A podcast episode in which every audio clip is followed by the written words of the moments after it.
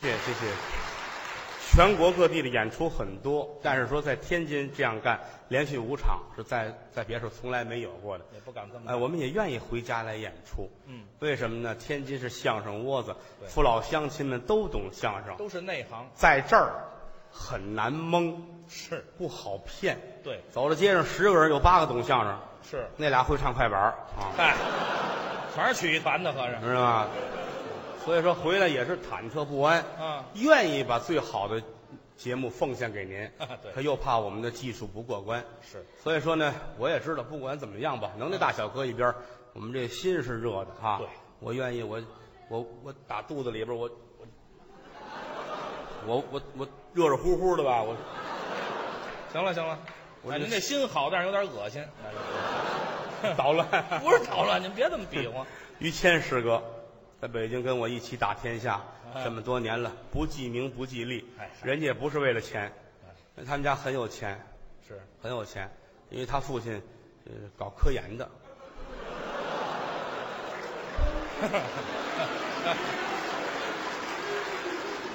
我一爸爸沾说这个，我心情特别好。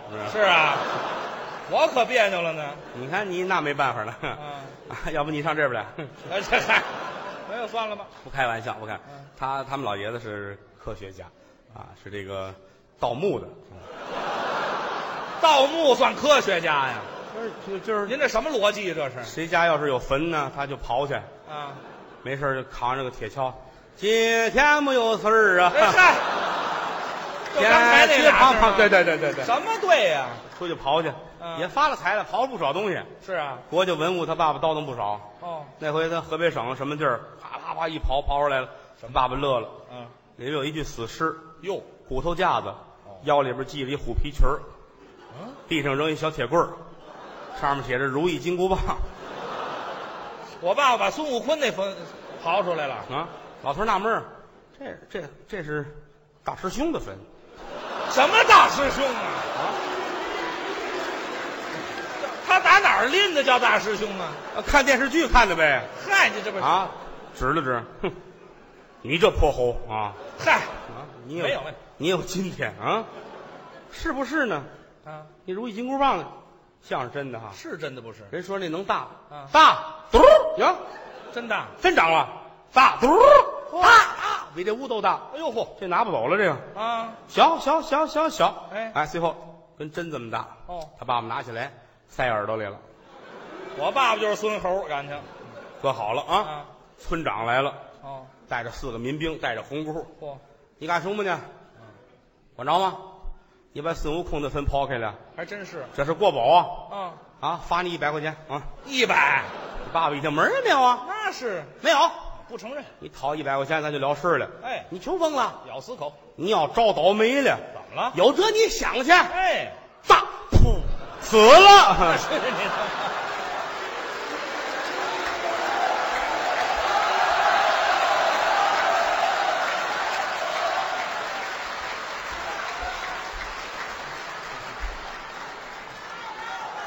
我就爱说这个，是啊，我心里咱换痛快点儿。行不行？不不换，不能换，换了大伙儿不乐意。嗨，就说这个吧，你爱听吗？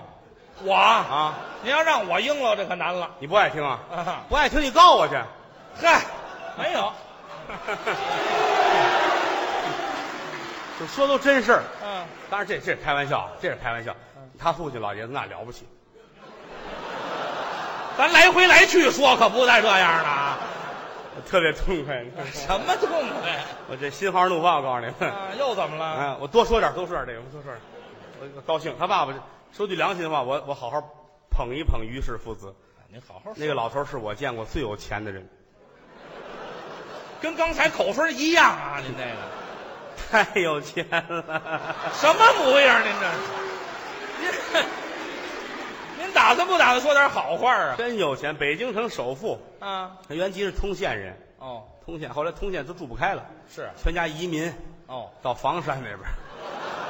不叫移民啊，嗯那就是搬房山去。家里太有钱了，嗯老爷子花钱如流水一般，那大方拿花钱就当当乐趣，哦，吃喝玩乐，穿东西穿衣服讲究一日三开箱，怎么叫一日三开箱？这一件衣服啊得做三件儿干嘛用啊？啊！你想啊，就穿这衣服啊。啊比如说这儿早晨起来这这件啊，啊，这儿绣了一花骨朵儿，花骨朵中午换了啊，换，绣这花开了，哟，开花，晚上又换一件啊，啊这花谢了，呵，你这了得吗？这太讲究了啊，早晨早晨这件啊，啊这是一圆饼子啊！啊，到到中午啊换一件，哎，这一果篦儿啊，到晚上换这件煎饼果子， 啊，我爸爸把一天三顿饭都穿衣服怎上么样？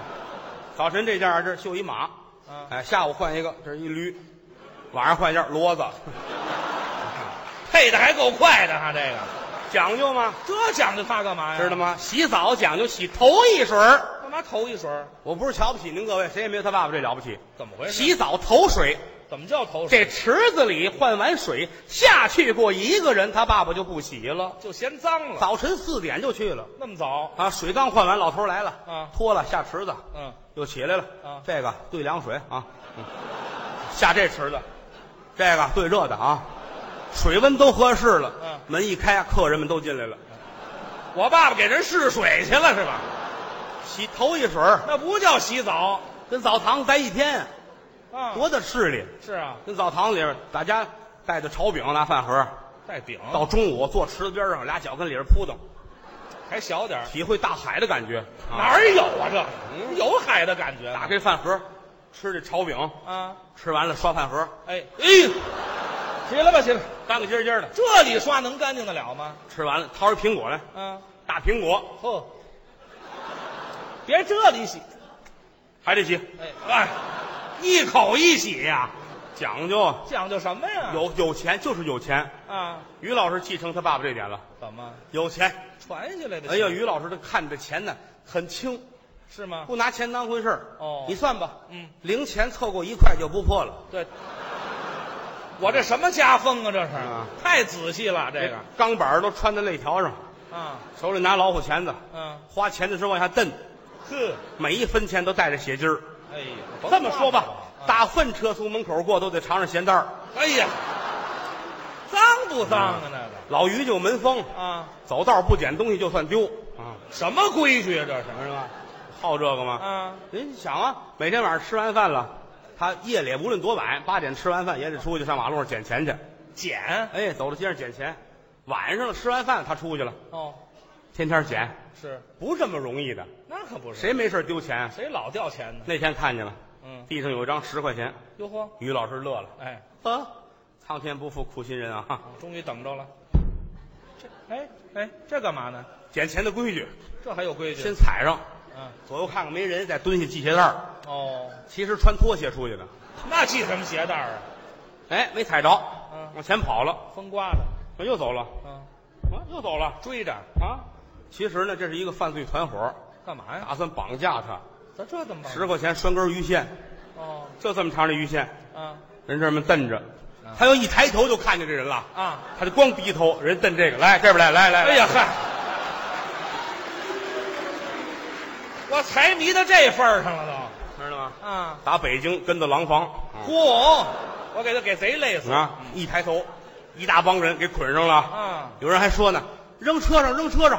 哼，那头说，嗨，费那劲，啊一晃十块钱，来这儿来，来来来，还跟着呢，没记性啊了，问电话说加电话多少啊啊？给你媳妇儿打电话，绑架，给媳妇儿打电话，嫂子吓坏了。当然两口子感情好，嗯哎呦，你们可别打他呀，也别骂他呀，是啊我全力配合，不就要钱吗？好说，哎我绝对不报警。给钱，不过丑话说前边儿啊你们要是要超过一百块钱，你们就撕票得了。没听说过。